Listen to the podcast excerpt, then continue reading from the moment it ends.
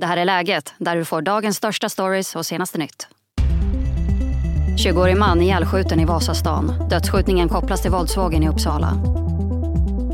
Kungafirandet i helgen kan vara ett potentiellt terrormål enligt Stockholmspolisen. I dagens avsnitt ska vi också prata om pojken som inte får äta Putin. Och hockeyexperten Sanny Lindström avslöjar vilka han tror tar hem SM-guldet nu när SHL drar igång igen. Mitt namn är Lisa Silver, nu kör vi. Vi inleder dagens podd med polismästare Mikael Fetz från Stockholmspolisen. Tusentals människor väntas samlas på Stockholms gator på lördag för att fira kungens 50 år på tronen. Höjdpunkten på det här firandet blir en jubileumskonsert framför slottet och en kortege och båtfärd genom staden. Mikael, i augusti höjdes terrorhotnivån i Sverige från nivå 3 till nivå 4. Finns det ett terrorhot mot firandet av kungen? Det finns inget eh, konkret hot eh, riktat mot någon av gästerna eller eh, själva evenemanget. Men vi har, som du själv sa, terrorhot nivå 4 vilket innebär en hög risk för terrorattentat. Och därför så genomför vi den, hela det här arrangemanget med väldigt hög säkerhet och många poliser på plats då, för att göra det här så säkert och, och tryggt som möjligt för alla deltagare och gäster. Men kan kungafirandet vara ett potentiellt terrormål? Ja, det, eh, det, kan det alltid vara och särskilt nu när vi har en högre eh, risk då, i och med den nivå 4. Eh, och sen kan det också finnas individer som eh, lider av psykisk ohälsa som skulle kunna vara intresserade av att göra någonting, begå något brott i samband med det här. Det här vet vi om och därför i det här fallet har vi väldigt, en väldigt stor polisinsats som är planerad sedan många månader tillbaka tillsammans eller i samverkan med Säkerhetspolisen, med hovet och regeringskansliet, Stockholms stad med flera. Skulle du säga att det är tryggt att vara ute på Stockholms gator i helgen?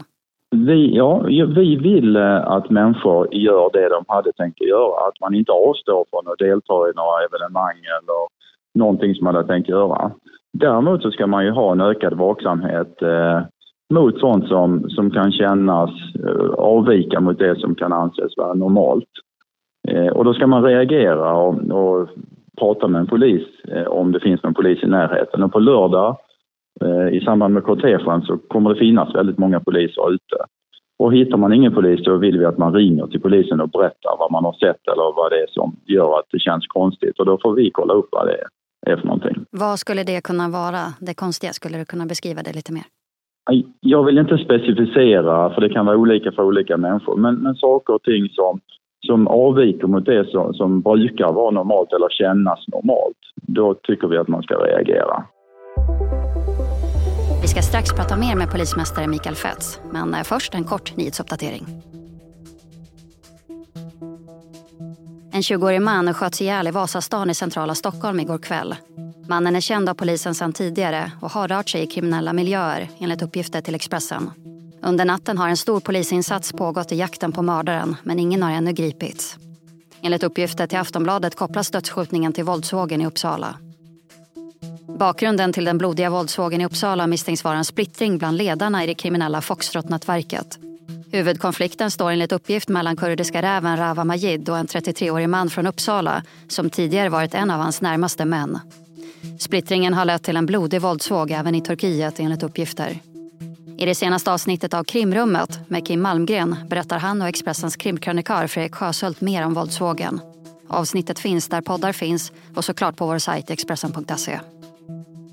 Vi håller på med ett eh, paradigmskifte i svensk rättspolitik. Och det är stort och det är brett och det är djupt. Idag meddelade regeringen att de miljardsatsar för att stoppa gängen. Anslagen på rättsväsendet ökar från 69 till 90 miljarder kronor mellan åren 2023 och 2026. Samtidigt ger regeringen Säpo ett tillskott på 180 miljoner kronor nästa år för att hantera det försämrade säkerhetsläget.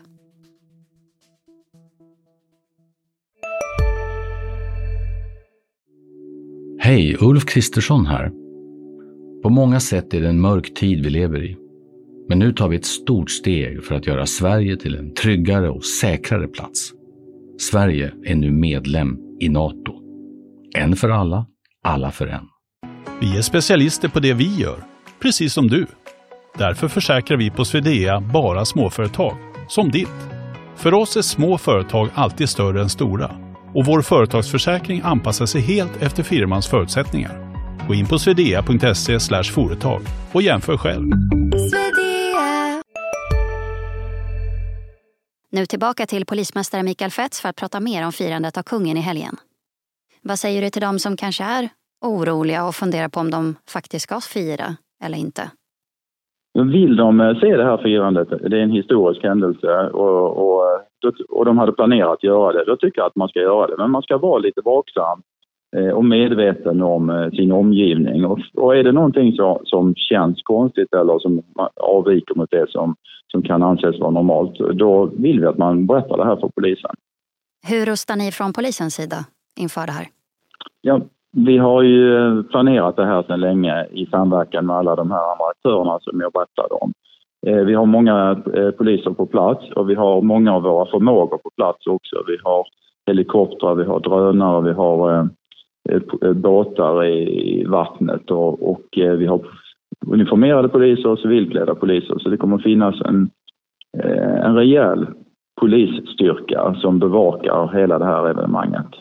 Hur kommer det här firandet gå till? Vad kan du berätta om det?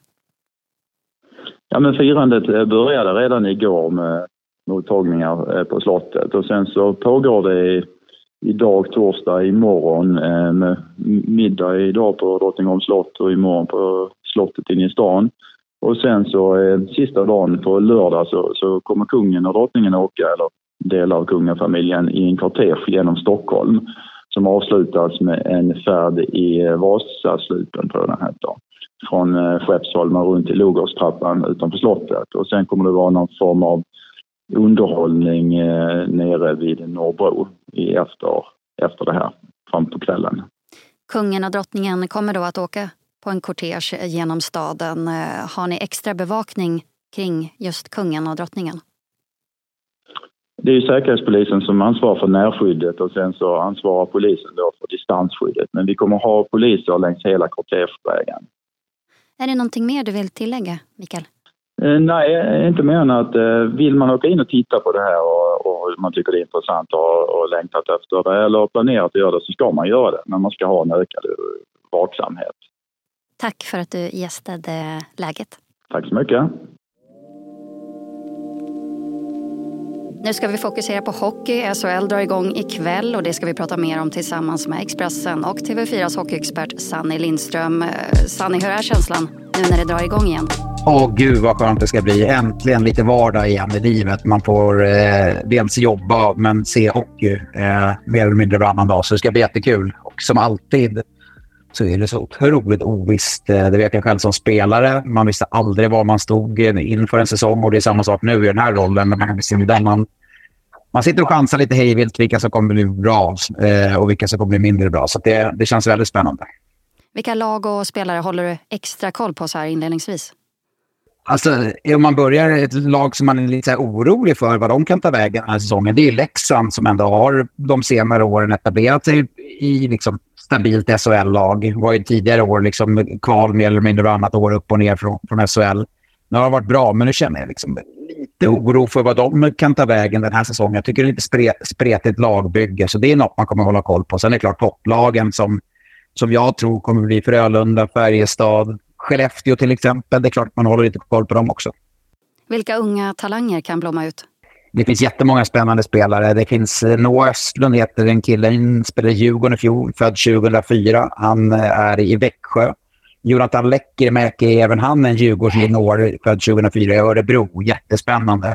Sen finns det en Mattias Hävelid och eh, Filip Bystedt som båda spelar i Växjö som är också Två eh, riktigt, riktigt vassa juniorer. Sen har Skellefteå juniorer också. Så det, det är det som är så roligt med serien, att det är svensk hockey så duktiga på att producera unga spelare. De kommer upp nu i SHL och verkligen sätter avtryck direkt. Så det finns väldigt många spelare. Så att, men ska jag säga en som jag tror väldigt mycket på i år så är det eh, Mattias Hävelid, en back i Linköping. Han har det här liksom spelet, skridskoåkningen, passningsspelet, spelsinnesskott. Han har liksom hela paketet och man ser direkt när en ung spelare kommer upp så ser man okej, okay, han har färdigheterna, men han kanske inte är riktigt mogen för att utföra det ännu på den här nivån. Eh, han var skadad stora delar av förra säsongen. Därför fick han inte genombrottet i fjol. Håller han sig skadefri i år så kommer det bli en riktigt, riktigt sevärd och bra back för Linköping. Man brukar säga att svenska högsta serien var världens bästa hockeyliga utanför NHL. Kan man fortfarande säga samma sak om SHL? Ja, jag skulle nog vilja göra det. Eh, jag tycker att det är, eh, med, med tanke på det, eh, efter Rysslands anfallskrig på Ukraina så har ju många spelare såklart lämnat KL, den ryska ligan. Eh, och den tycker jag inte, man kan inte jämföra med den ligan eftersom man har ingen insikt i den numera. Så jag tycker att, det är, att SHL står sig väldigt, väldigt stark eh, numera. Det hade kanske några år när många gick då till KL och den schweiziska ligan, men eh, det, jag tycker att den står sig stark både i fjol och den här säsongen. Sanni ska strax få ta fram spåkulan och berätta vilka han tror tar hem SM-guldet. Men först en kort nyhetsuppdatering.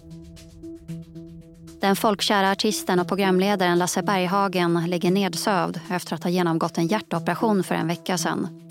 På Instagram skriver nu hans dotter Malin Berghagen att Lasse gör citat myrsteg i rätt riktning. Hon tackar även för allt stöd som pappa Lasse och familjen fått i ett inlägg som signeras av henne, systern Maria Berghagen och Lasses fru Eva Berghagen. En liten pojke i Halland får inte heta Putin. Skatteverket säger nu nej till föräldrarna Ann och Ronny i Hishult. Åtta gånger har paret ansökt om att få döpa sin son till Putin. Men de vägrar ge upp striden. Nu har de försökt med namnet Putin med två T istället för ett. Men Skatteverket säger återigen nej. Motiveringen är att namnet skulle kunna leda till obehag för barnet. Föräldrarna säger till Expressen att de kommer att fortsätta namnstriden.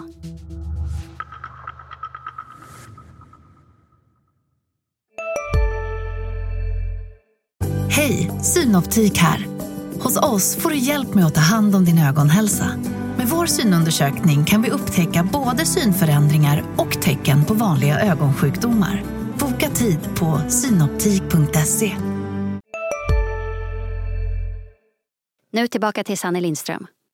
Om du får ta fram spåkulan, vem vinner, vilka åker ur SHL och vilka kommer upp från Hockeyallsvenskan? Om vi börjar med Hockeyallsvenskan så jag tror att Djurgården tar sig upp i år för att eh, det är ingen som riktigt räknar med dem i år. Eh, och man ser man på, på pappret då så har man ett, fortfarande ett väldigt bra lag. Visserligen inte riktigt lika bra lag som i fjol, men jag tror att man kommer att få ihop laget på ett annat sätt nu när Johan Garpenlöv får vara med från start. Han kom ju in under säsongen i fjol. Nu får han sätta sitt spel i Djurgården. Så jag, jag, tror att Djurgården kommer växa under säsongen. Jag tror inte de kommer vinna grundserien, men jag tror att de är de som kommer ta steget upp. Blickar vi mot eh, SHL då, alltså, jag har tippat på förhand Modo och Malmö som de lagen som får kvala. Modo som nykomling, det, det, är alltid tufft. Och de har med sig många kontrakt från Hockeyallsvenskan och det, det är ett par steg upp med SHL kontra Hockeyallsvenskan. Modo tror jag får det tufft och kan eh, dessvärre för deras del eh, liksom åka ur. Det kommer att bli en kamp för dem. Gör, håller de sig kvar som gjort det jättebra. SM-guld, där har jag spått att det blir en final mellan Frölunda och Färjestad som jag tycker ser väldigt bra ut på två nu. Och där, där har jag sagt att Frölunda vinner guld. Sen, som de har en spännande nysatsning nu när man har gjort sig av med lite äldre spelare och fått in lite yngre och lite en annan profil på spelarna. Så det, där, de har något väldigt spännande på gång. Vilka spelare i Frölunda tycker du är mest spännande? Men Henrik Almenäs, en back som kommer hem. Han har varit i Schweiz under sex års tid och tre gånger som blev utsedd till ligans bästa back. En gång som den mest värdefulla eh, spelaren i den schweiziska ligan. Och då kan man säga att den schweiziska ligan är väl ungefär jämförbar med, med SHL och det säger lite om klassen. Eh, I fjol gjorde han 10 poäng på åtta VM-matcher, den bästa svenska poängklockan. Liksom. Så det här är ju en absolut toppspelare med europeiska mått mätt. Eh, så Henrik Almenäs är definitivt en som man ska hålla koll på. Har du några avslutande ord, Sanny? Jag tycker jag pratar tillräckligt mycket nu, så att det, det, släpp pucken helt enkelt. Härligt. Stort tack för att du var med oss. Det får bli slutorden. Ha en fortsatt fin dag och tack för att du har lyssnat på Läget med mig, Lisa Silver.